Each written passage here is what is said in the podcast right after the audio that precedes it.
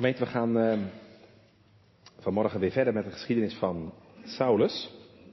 Vorige week uh, hebben we stilgestaan bij de bekering van Saulus op weg naar Damascus. Dat was Handelingen 9, de eerste negen versen. We gaan vanmorgen verder vanaf vers 10 tot en met 19. U zal worden voorgelezen uit Gods heilige en onfeilbaar woord, Handelingen 9, vanaf vers 10 tot en met 19, de geschiedenis van Saulus en Ananias in Damascus. En er was een zeker discipel te Damascus met naam Ananias. En de Heere zeide tot hem in gezicht, Ananias. En hij zeide, zie hier ben ik, Heere. En de Heere zeide tot hem, sta op en ga in de straat, straat genaamd de rechte. En vraag in het huis van Judas naar één met name Saulus van Tarsen. Want zie, hij bidt. En hij heeft in een gezicht gezien dat een man met name Ananias inkwam en hem de hand oplegde, opdat hij wederom ziende werd. En Ananias antwoordde, Heere, ik heb uit velen gehoord van deze man, hoeveel kwaad hij uw heiligen in Jeruzalem gedaan heeft. En hij heeft hier macht van alle overpriesters om te binden allen die uw naam aanroepen. Maar de Heere zeide tot hem, ga heen, want deze is mij een uitverkoren vat, om mijn naam te dragen voor de heidenen en de koningen en de kinderen Israëls. Want ik zal hem tonen hoeveel hij lijden moet om mijn naam. En Ananias ging heen en kwam in het huis, en de handen op hem leggende zeide hij, Saul, broeder, de Heer heeft mij gezonden, namelijk Jezus, die u verschenen is op de weg die gij kwaamt, opdat gij wederziende en met de Heilige Geest vervuld zou worden. En terstond vielen af van zijn ogen gelijk als schellen. En hij werd terstond wederom ziende en stond op en werd gedoopt. En als hij spijzen genomen had, werd hij versterkt. En Saulus was sommige dagen bij de discipelen die te Damascus waren.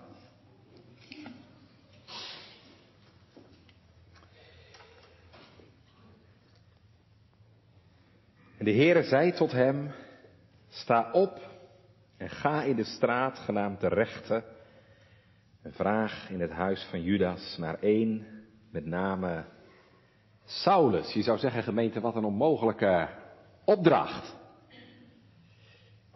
Misschien ervaren jullie dat ook wel een beetje, broeders. Geroepen tot het ambt. Maar ik zei het al net in mijn gebed, wie is tot deze dingen bekwaam? En ook als je dat misschien vanmorgen niet zo ervaart, er zullen vast wel momenten komen dat je dat wel denkt. Dat je denkt, heren, moet ik dit nou doen? Ik kan dat nooit. Ik kreeg in mijn eerste gemeente op een dag een telefoontje. Een jonge vrouw, 26 jaar oud, jong, is overleden. Ze was niet kerkelijk, de vader en moeder ook niet. En dan krijg je de vraag, dominee, wilt u de begrafenis doen? Dan denk je, heren, moet ik dat doen? En toch, gemeentebroeders, we zullen zien, al vraagt Jezus soms moeilijke dingen.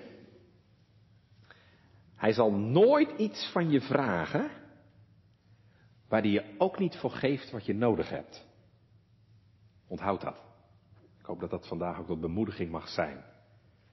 Als de Heere iets vraagt, geeft Hij ook wat je daarvoor nodig hebt. Dat zien we vanmorgen in de geschiedenis van Ananias en Saulus. Ik wil gemeente stilstaan bij een drietal gedachten. Dit gedeelte bepaalt ons in de eerste plaats bij de verandering van Saulus. De verandering van Saulus. In de tweede plaats letten we op de opdracht voor Ananias. Ananias die naar Saulus toe moet. En we letten tenslotte op zijn gehoorzaamheid aan deze opdracht. Dus de verandering van Saulus, de opdracht voor Ananias en zijn gehoorzaamheid aan deze opdracht. Gemeente, een aantal jaren ben ik voorzitter geweest van een stichting die de wat vreemde naam draagt. In de rechte straat. Stichting In de Rechte Straat is ooit opgericht door Herman Hegger. Herman Hegger was een Rooms-Katholieke priester die steeds meer moeite kreeg met de leer van de Rooms-Katholieke Kerk en die in 1948, net na de oorlog, de Rooms-Katholieke Kerk verliet. Hegger gaf toen les op een uh, in Brazilië, Sao Paulo. En een van de eerste dingen die hij deed toen hij de kerk verliet, was zijn toga, zijn priestertoga, uittrekken. En hij vertelt in die stad, genoemd naar Paulus, hè, Sao Paulo, kocht hij een pak, een burgerpak. In een straat met de naam Rua di Raitu. De rechte straat. Daar in de rechte straat in Sao Paulo begon de grote verandering in zijn leven. Herman Hegger werd dienaar van het evangelie en heeft later nog vele jaren als predikant het evangelie mogen verkondigen. Nou gemeente, zo ging het ook bij Paulus. Daar in die rechte straat, in Damascus, begon de grote verandering in zijn leven.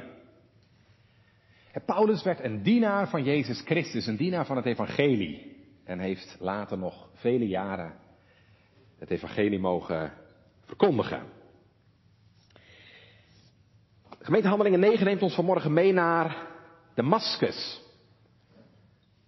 Een huis in de rechte straat. Straat is er trouwens nog steeds in Damascus. Loopt zo van de Oostpoort naar het westen, het oude gedeelte van de stad Damascus. En in dat huis, dat huis van Judas, zit een man. De gemeente, er is heel wat met hem aan de hand. Want je leest in vers 9, hè? hij ziet niet, hij eet niet en hij drinkt niet. We weten hoe dat komt, dat hebben we vorige week gehoord. Saulus is stilgezet. Op weg naar Damascus. Toen heeft hij Jezus ontmoet, zagen we. En ook zichzelf. En als dat gebeurt in je leven, gemeente, dat je de Heer Jezus ontmoet en jezelf, dan staat je leven op zijn kop. Dan is het nood in je leven. En dan word je een ander mens. En dat zien we vanmorgen ook bij Paulus. Paulus is een ander mens geworden. Onze eerste gedachte, de verandering bij Paulus. We weten allemaal niet precies wat er gebeurd is in dat kamertje in Damascus. De Heilige Geest heeft die deur voor ons niet geopend. Als de Heer in je leven werkt, hoeven anderen daar niet per se bij te zijn. Maar gemeente, er zijn twee dingen die hier genoemd worden door Lucas, die duidelijk maken dat Paulus een ander mens is geworden. Um, in de eerste plaats, vers 9, lees je, hij vast. Hij vast.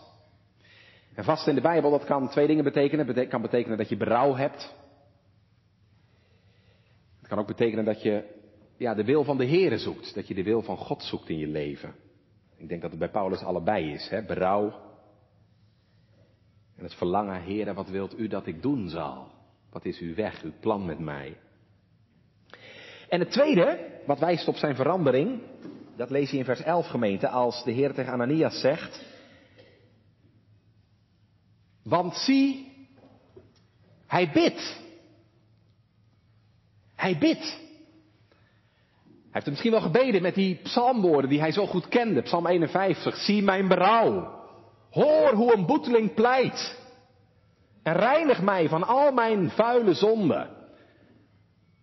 Gebed van berouw. Gebed om vergeving.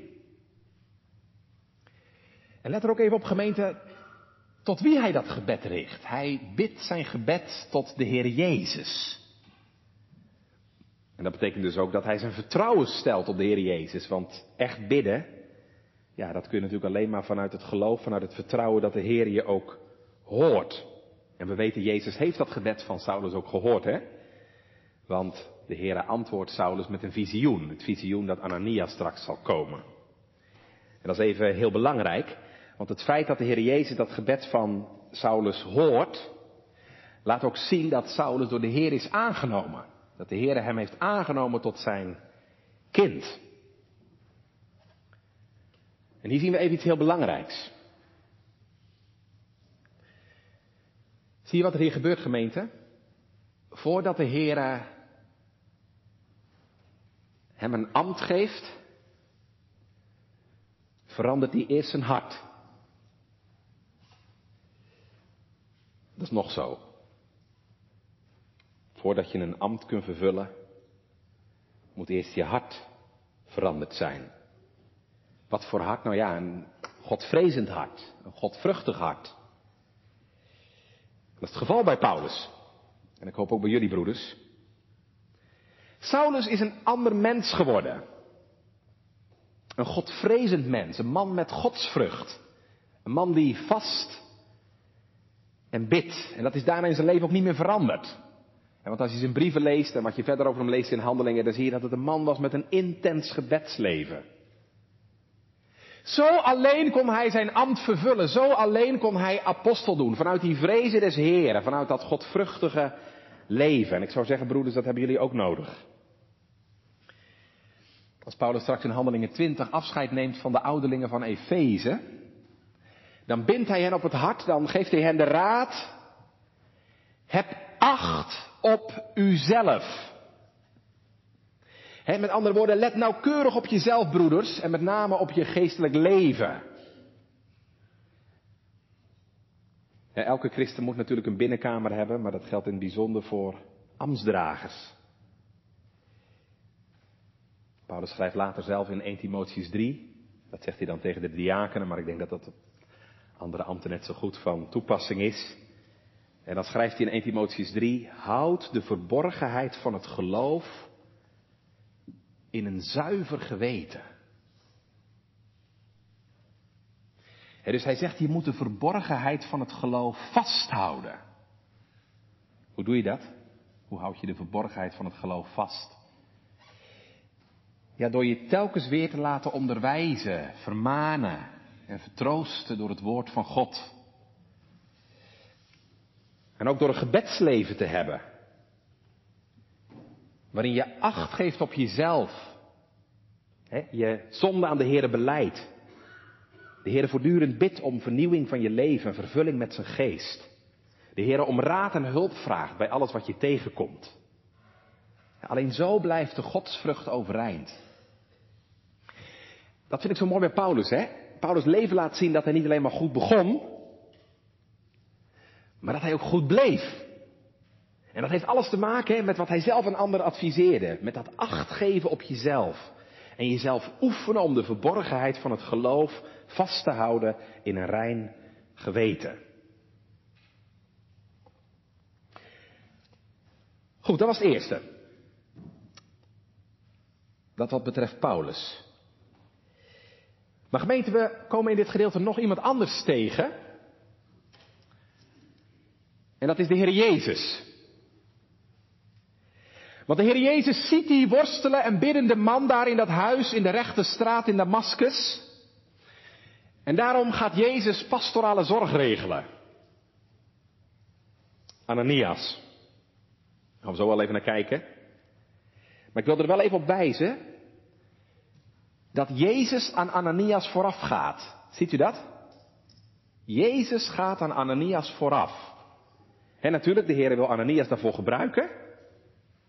Maar als je maar wel goed ziet, het gaat uit van de Heer Jezus. Dat betekent gemeente, in die zorg van Ananias voor Paulus, mogen we de zorg zien van de Heer Jezus zelf, de goede herder. En die oog heeft voor de noden en zorgen van zijn schapen. Ik las een heel mooi stukje bij Matthew Henry. En ik kan het niet beter zeggen dan hij, dus ik geef het maar even door wat Matthew Henry hierover zegt. Henry zegt, Christus weet ze wel te vinden, die zijne zijn en zich in droefheid bevinden. Als hun vrienden en betrekkingen wellicht niet weten wat van hen geworden is, hebben zij een vriend in de hemel, die weet in welke straat, in welk huis, ja wat meer is, in welke gemoedstoestand zij verkeren. Want hij heeft hun ziel in benauwdheid gekend. Mooi. Heer Jezus weet wat er in het hart van Saulus omgaat. Zijn nood, zijn verlangen, zijn verdriet. En dan vervolgt Matthew Henry, hij die verscheurd heeft zal genezen. Die geslagen heeft zal verbinden. Die van zonde overtuigd heeft zal vertroosten. En die bedroefd heeft zal zich ook weer ontfermen. En daarvoor gebruikt hij dus gemeente Ananias. Dat is ook een heel bijbels principe, hè? De grote herder maakt vaak gebruik van kleine herders. En hier zie je in Handelingen 9 heel mooi hoe dat werkt. De grote herder, de Heer Jezus, is bewogen met zijn schapen. En daarbij maakt hij dus gebruik van mensen. Die hij op pad stuurt. Nou, dat mogen jullie straks ook gaan doen. He, anderen helpen, troosten, vermanen, bemoedigen, onderwijzen. En vergeet dan nooit, broeders, dat mag je doen namens Hem, de grote herder. He, die met ontferming bewogen is. Nou, dat brengt op onze tweede gedachte. En dan gaan we even kijken naar de opdracht voor Ananias. We hebben gelet op de verandering bij Paulus. Letten we in de tweede plaats op de opdracht voor Ananias. Want wat lezen we in vers 10? En er was een zeker discipel te Damascus, met name Ananias. We weten verder niet eigenlijk van deze man, dat doet er ook niet toe. En de Heere zei tot hem in een gezicht, Ananias. En hij zei, zie, hier ben ik, heren. Moet je dat ergens aan denken? De Heere roept. En Ananias zegt, zie, hier ben ik. Het lijkt gemeen op het verhaal van Samuel, hè? Samuel, Samuel, zie, hier ben ik. Mooi is dat. Als de Heer Ananias roept, dan is hij ook dadelijk beschikbaar. Ik zou zeggen, zo hoort het ook. Gemeente. als je net als Ananias een discipel van de Heer bent, dan moet je ook beschikbaar zijn als de Heer roept. Dat hebben jullie gedaan.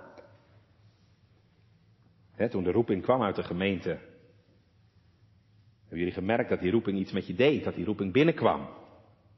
Dat is niet altijd zo, dat weet je soms ook wel. Sommigen van jullie weten dat ook, dat je geroepen kunt zijn en toch, nee, het komt niet binnen. Ik ervaar het niet als de roeping van de Heer op dit moment in mijn leven. Maar als dat wel zo is, als je merkt dat die roeping je raakt en binnenkomt en je niet meer loslaat, ja, wees dan ook beschikbaar. Want dan is het de Heer die roept.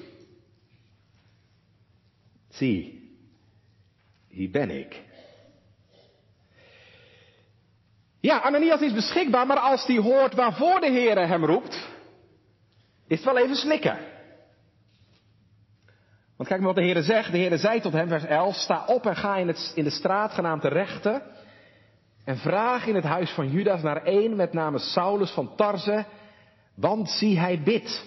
En hij heeft in een gezicht gezien dat de man, met naam Ananias, inkwam en hem de hand oplegde opdat hij weer ziende werd. Nou, de Heer Jezus weet natuurlijk wel dat Ananias hier ontzettend tegenop ziet. En daarom zie je dat hij hem heel expliciet wijst op twee dingen. In de eerste plaats, de Heer zegt, want zie, hij bidt. En iemand die bidt, daar hoef je toch niet bang voor te zijn, toch? En het tweede, wat de Heer zegt, Ananias, Saulus weet al dat jij komt want ik heb, je dat, ik heb hem dat in een visioen duidelijk gemaakt. Maar gemeente dan nog is dat ja, blijkbaar nog niet genoeg voor Ananias om zijn schrik weg te nemen, om zijn aarzeling weg te nemen. Kun je het ook wel een beetje begrijpen. U hebt allemaal wel gehoord, hè, natuurlijk, wat er de afgelopen week in uh, Afghanistan is gebeurd. Stel nou voor dat je christen bent in Afghanistan. Dan ga je toch niet aan de Taliban vertellen dat je christen bent? Dat is wel het domste wat je kunt doen. Nou gemeente, je kunt net zo goed aan de Taliban gaan vertellen dat je christen bent, dan als christen naar Paulus toe gaan.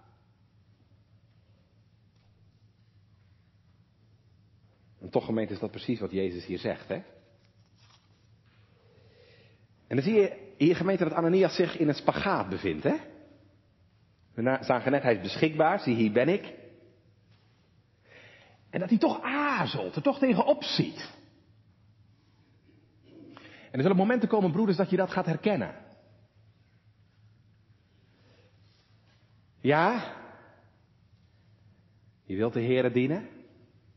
Je wilt beschikbaar zijn. Maar soms is de praktijk weer barstig. Moet ik dat nou doen, heren? Moet ik daar nou naartoe, heren? Er kunnen soms gesprekken zijn waar je huizenhoog tegenop ziet. Bezoeken waar je met lood in je schoenen naartoe gaat. Hoe moet je dat nou doen dan?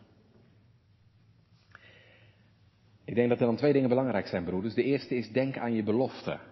Denk aan je belofte. Je hebt het gezegd, hè? Zie, hier ben ik, heren. En het tweede wat je helpt, en dat is misschien nog wel veel belangrijker, denk vooral aan de Heer Jezus. Denk vooral aan de Heer Jezus. Hij was beschikbaar. Toen de Vader hem riep, heeft hij het gezegd, zie, hier ben ik. Het was een onmogelijke opdracht. En je weet het, hij heeft er huizenhoog tegen opgezien. En heeft het gekermd, vader, als het mogelijk is, laat deze drinkbeker aan mij voorbij gaan. En toch is die gegaan. Door zoveel pijn, verdriet en schande en angst heen. Maar hij ging, hè om ons te verlossen.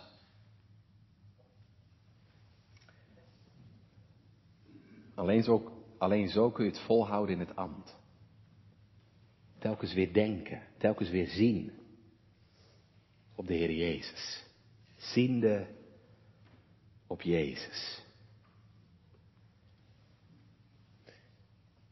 Ik heb momenten gehad, gemeente, afgelopen coronatijd, dat ik echt gedacht heb, Heer, ik stop ermee.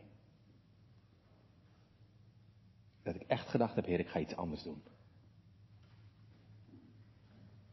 Ik kan dit niet meer.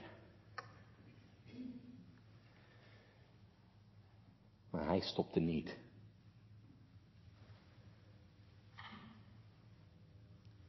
Hij zei, zie, hier ben ik. En hij ging net zo lang door Totdat hij zei, het is volbracht. Lieve broeders, het is niet moeilijk om op de dag van je bevestiging te zeggen, zie hier ben ik. Als je hart vol is van de Heer en liefde tot zijn dienst. Het is soms wel moeilijk om dat na vijf, tien, vijftien jaar nog te zeggen. Maar denk dan terug aan dat eerste moment. Ik heb het beloofd, heren. Hier ben ik. En denk vooral aan Hem die voor jou gezegd heeft, zie, hier ben ik. En die daarom ging van de hemel naar de aarde, van de kribbe naar het kruis, van het kruis naar het graf, om jou te verlossen en zalig te maken. Zo, zo alleen hou je het vol, ziende op Jezus, de overste leidsman en voleinder van het geloof. Die ook voor mij het kruis heeft gedragen en de schande veracht. En dan kun je verder. He? Omdat Hij kwam om mij te dienen, wil ik Hem dienen.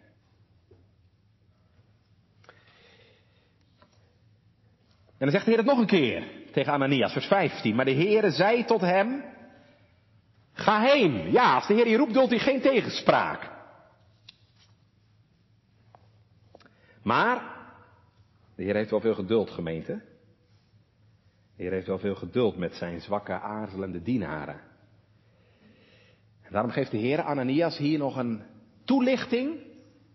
Een toelichting op zijn plan met Paulus, met het leven van Paulus. Kijk maar. Ga heen. Want. En want, hè, dat geeft natuurlijk de reden aan. Want deze is voor mij een uitverkoren vat.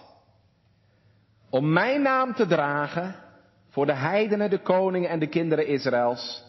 Want ik zal hem tonen hoeveel hij lijden moet.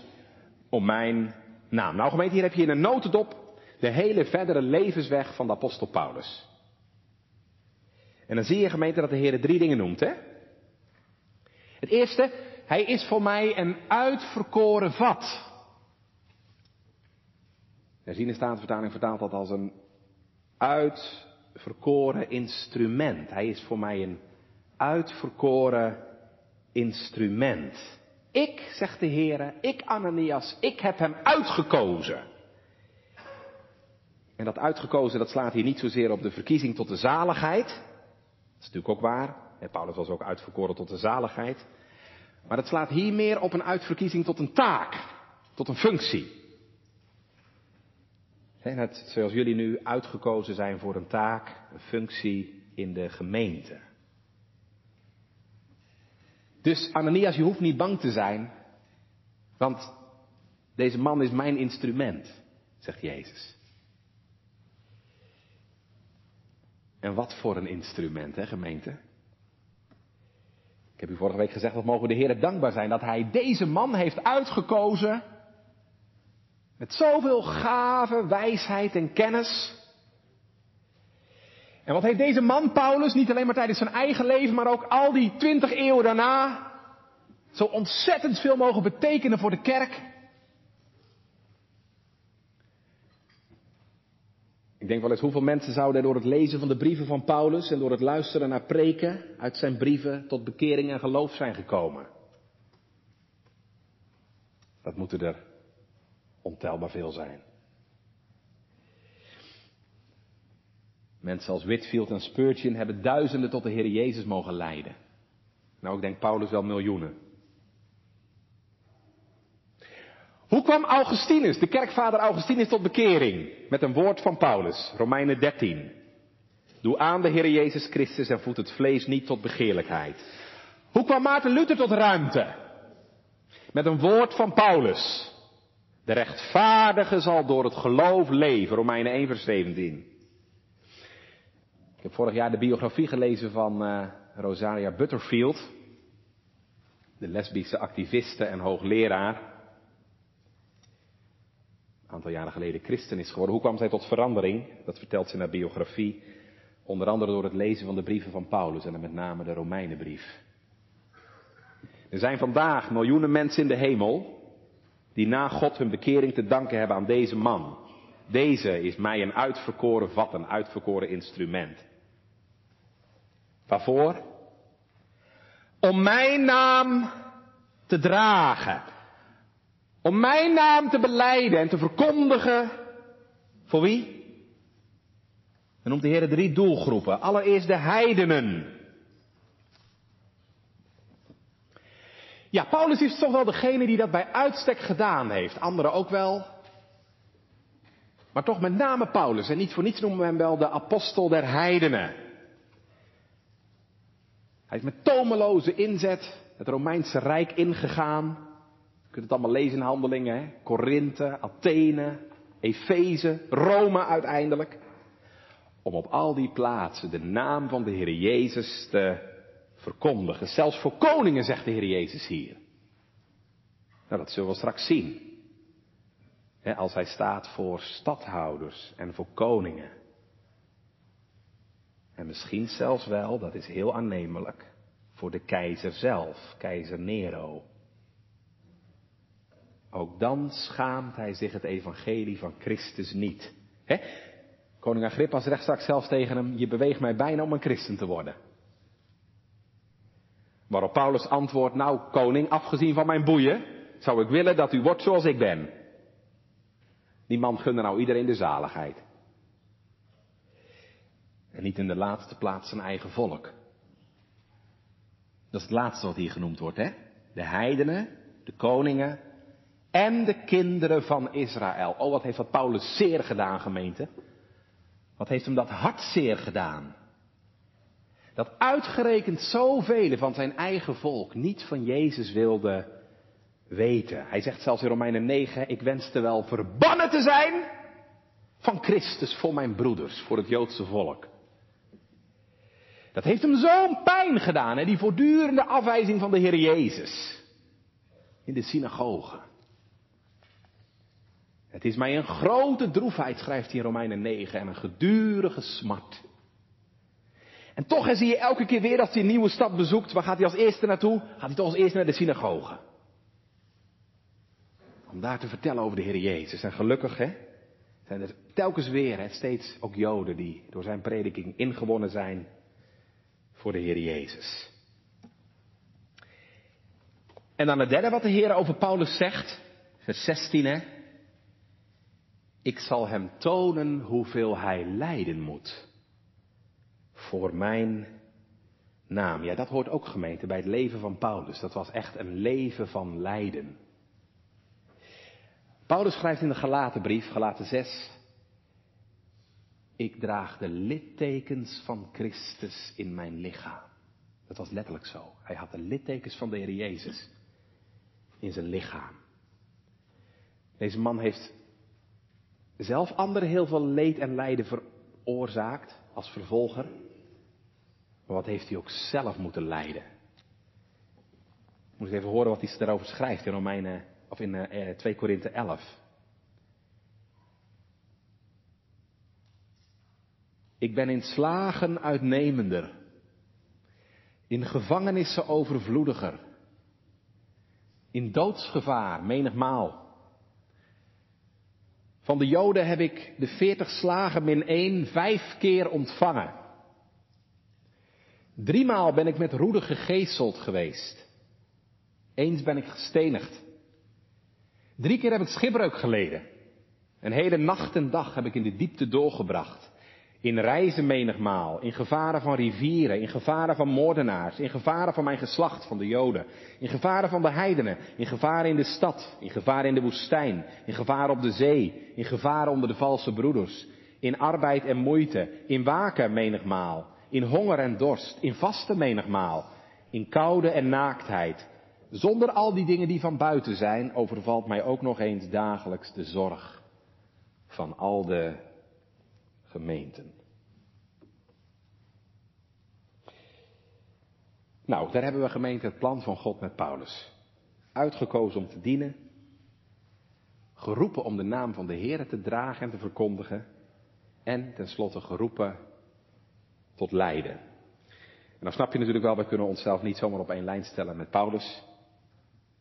Ik heb vorige week gezegd, hè, zijn bekering was uitzonderlijk. Nou, dat kun je ook gerust zeggen voor zijn levensweg. Paulus' levensweg was ook uitzonderlijk. En Paulus zegt zelf in 1 Korinthe 15, en dat zegt hij niet uit de hoogte. Maar hij kon wel zeggen, ik heb overvloediger gearbeid dan zij allemaal. En toch geloof ik gemeente dat in die roeping van Paulus dingen in zitten die ook van toepassing zijn op ons. Broeders, net als Paulus heeft de Heer je geroepen tot een taak. En net als Paulus geeft de Heer ook jullie eigen vaardigheden en eigenschappen die je in mag zetten bij het werk in de gemeente. bij de een zijn dat praktische gaven, bij een ander is dat de gave om het woord uit te leggen of te luisteren naar mensen en hen van goede raad en advies te voorzien. Maar ieder geeft de Heer een die je in zijn dienst mag gebruiken. Dat is het eerste. God roept je tot een taak. Het tweede, de Heer roept je ook om zijn naam te dragen. Net als Paulus. Het is een beetje wat aparte uitdrukking, hè? zijn naam dragen. Ik dacht van de week bij mijn voorbereiding, nou denk, denk maar aan een vlaggedrager. Denk maar aan een vlaggedrager hè, bij het muziekkorps. Of in het leger, een vaandeldrager. Die moet ervoor zorgen dat het vaandel duidelijk zichtbaar is. Nou, dat is onze taak, dat wij duidelijk zichtbaar de naam van de Heer Jezus laten zien aan de mensen.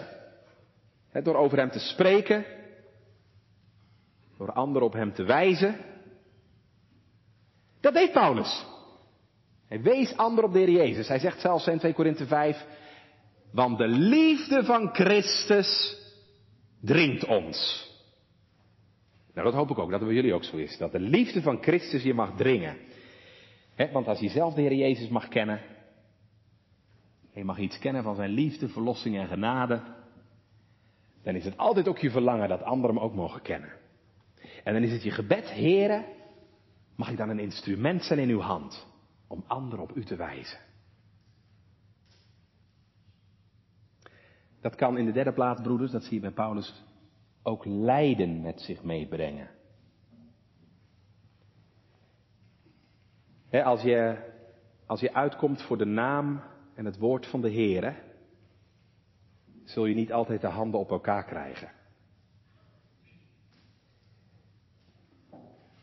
En als je vandaag in 2021 trouw wil zijn aan het woord van God en aan het evangelie van de Heer Jezus Christus, kun je, kun je rekenen op tegengas en tegenwind. En ik denk zomaar dat dat wel eens heel hard kan gaan in onze samenleving in de komende jaren.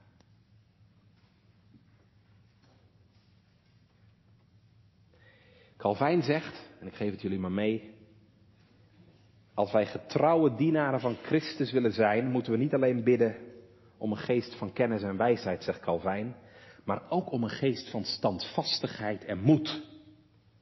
Zodat wij nooit gebroken worden door vreselijk lijden. Want dat, zegt Calvijn, is het deel van de godzalige. Lijden is het deel van de godzalige. Daar wist Calvijn zelf ook al wat vanaf. Hè, toen hij als student moest vluchten uit Parijs. Omdat hij getuigde van het evangelie van de Heer Jezus en zijn leven niet meer zeker was. Alle die godzalig willen leven in Christus Jezus moeten rekening houden met tegenstand en verdrukking. Ja, en dan gemeente, we gaan naar ons laatste punt. Dan gaat Ananias overstag. Onze laatste gedachte, zijn gehoorzaamheid aan deze opdracht. Hij geeft zijn verzet op. En hij is gewillig om die wolf op te zoeken. Alleen het is geen wolf meer, maar een broeder. Want we lezen, vers 17 hè, en Ananias ging heen en kwam in dit huis waar Saulus was. En de handen op hem leggende zei hij, Saul, broeder, de Heere heeft mij gezonden, namelijk Jezus. Wat een zelfoverwinning bij Ananias gemeente. Of ik kan beter zeggen, wat een liefde bij Ananias. Om tegen deze man, tegen deze bevreesde tegenstander, tegen deze vijand van Gods gemeente, deze woorden te gebruiken. Saul, broeder. Dat betekent je hoort erbij. Je bent één van ons. Want je bent het eigendom van Jezus. En daarom hoor je nu ook bij ons.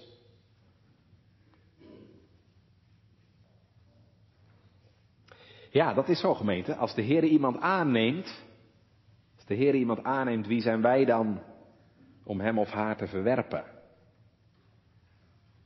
Wat voor iemand het ook is en wat er ook gebeurd is in zijn leven, hè, of hij nou blank of bruin is, of hij verslaafd is geweest of crimineel, of hij nou homo is of hetero. Als de Heer iemand aanneemt, zijn wij geroepen om hem ook aan te nemen. Dat is niet altijd makkelijk kost soms heel wat zelfoverwinning. Dat zie je bij Ananias ook. Maar hij doet het wel. Ja, dat kun je natuurlijk alleen maar gemeente als je zelf mag weten dat de Heer in genade jou heeft aangenomen. Jouw zonde heeft vergeven. Moet even denken aan dat verhaal van Corrie ten Boom, dat kent u wel hè? Toen die kampbewaarder na de oorlog naar haar toe kwam en haar vertelde dat hij tot bekering was gekomen. En zomaar zijn hand naar haar uitstak. De benen de man die haar zus Betsy geslagen mishandeld had. En voer ze zo'n geweldige strijd. Het alsof mijn hand bevroor. Land was. En toch nam ze die hand aan. Aanvaard elkaar, zoals Christus ons aanvaard heeft. Ja, en dan gaat het heel snel bij Paulus, lees je. Ananias legt hem de handen op. Hij wordt vervuld met de Heilige Geest. En dan gebeurt er iets heel bijzonders gemeente, want we lezen de schellen vallen van zijn ogen. u weet, Paulus was blind. En ik heb vorige week gezegd, die blindheid die was symbolisch. En die blindheid was een symbool van zijn geestelijke blindheid. Maar nu hij tot geloof in de Heer Jezus is gekomen, ja, mag hij weer zien. De zon der gerechtigheid is over hem opgegaan. De zon der gerechtigheid met genezing in haar stralen. Letterlijk, hè? Lichamelijk en geestelijk genezen. En nu mag hij voortaan getuige zijn van die genade, hè?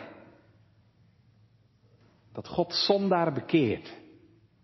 En blinden de ogen opent. Moet eens horen hoe hij dat zelf later zegt in Handelingen 26. Ik pak het er even bij. Handelingen 26. Als hij over zijn bekering vertelt. Hij zegt, Jezus heeft mij gezonden tot de heidenen.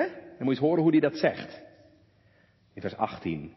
Om hun ogen te openen en hen te bekeren van de duisternis tot het licht en van de macht van de Satan tot God, opdat ze vergeving van zonde ontvangen en een erfdeel onder de geheiligden door het geloof in mij. En dat heeft hij dus eerst zelf ervaren, hè, dat zijn ogen geopend werden, dat hij bekeerd is van de duisternis tot het licht. En vervolgens werd dat ook zijn levensopdracht en zijn levensmissie om dat aan anderen te verkondigen. Om hun ogen te openen en hen te bekeren van de duisternis tot het licht. Dat is nog zo natuurlijk, hè? Je moet het eerst zelf ervaren, voordat je het anderen kunt vertellen. Nou, dat is wat we mogen doen in het ambt. We mogen getuigen van het licht. En dan mag je vertellen wat je zelf ervaren hebt. dat God een God is die blinde ogen opent. Die mensen bekeert van de duisternis tot het licht. En natuurlijk, dat kunnen wij niet doen, hè? Wij kunnen geen schellen wegnemen. Maar we mogen wel wijzen op Hem en getuigen van Hem die dat wel kan. En wat is het dan heerlijk, broeders, als je erbij mag zeggen. En ik weet dat het echt waar is. Ik weet dat het echt waar is. Want Hij deed het ook bij mij. Hij deed het ook in mijn leven. Mijn blinde ogen geopend. En toen mocht het licht gaan schijnen. Het licht van de zon der gerechtigheid. Tuurlijk, het is het werk van God. Maar je ziet hier, hè, daar gebruikt de Heer altijd mensen voor. En zo hoop ik, broeders, en dan gaan we afronden, dat de Heer ook jullie wil toerusten en bekwamen om dit heerlijke werk te doen. Om blinde ogen te openen en mensen op dat licht te mogen wijzen.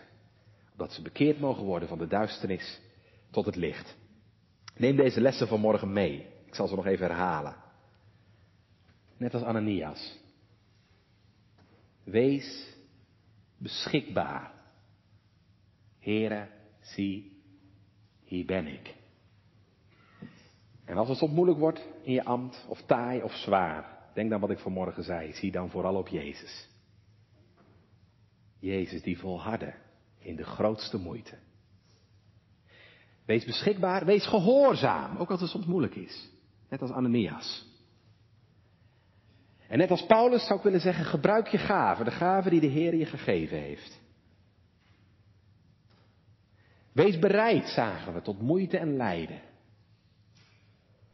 En vooral draag zijn naam. En draag het licht uit. Het licht van de zon der gerechtigheid. Opdat door de genade van God blinde ogen mogen opengaan. Voor de onuitsprekelijke heerlijkheid, genade en liefde van de Heer Jezus Christus zodat ook anderen mogen wandelen in zijn licht. Amen.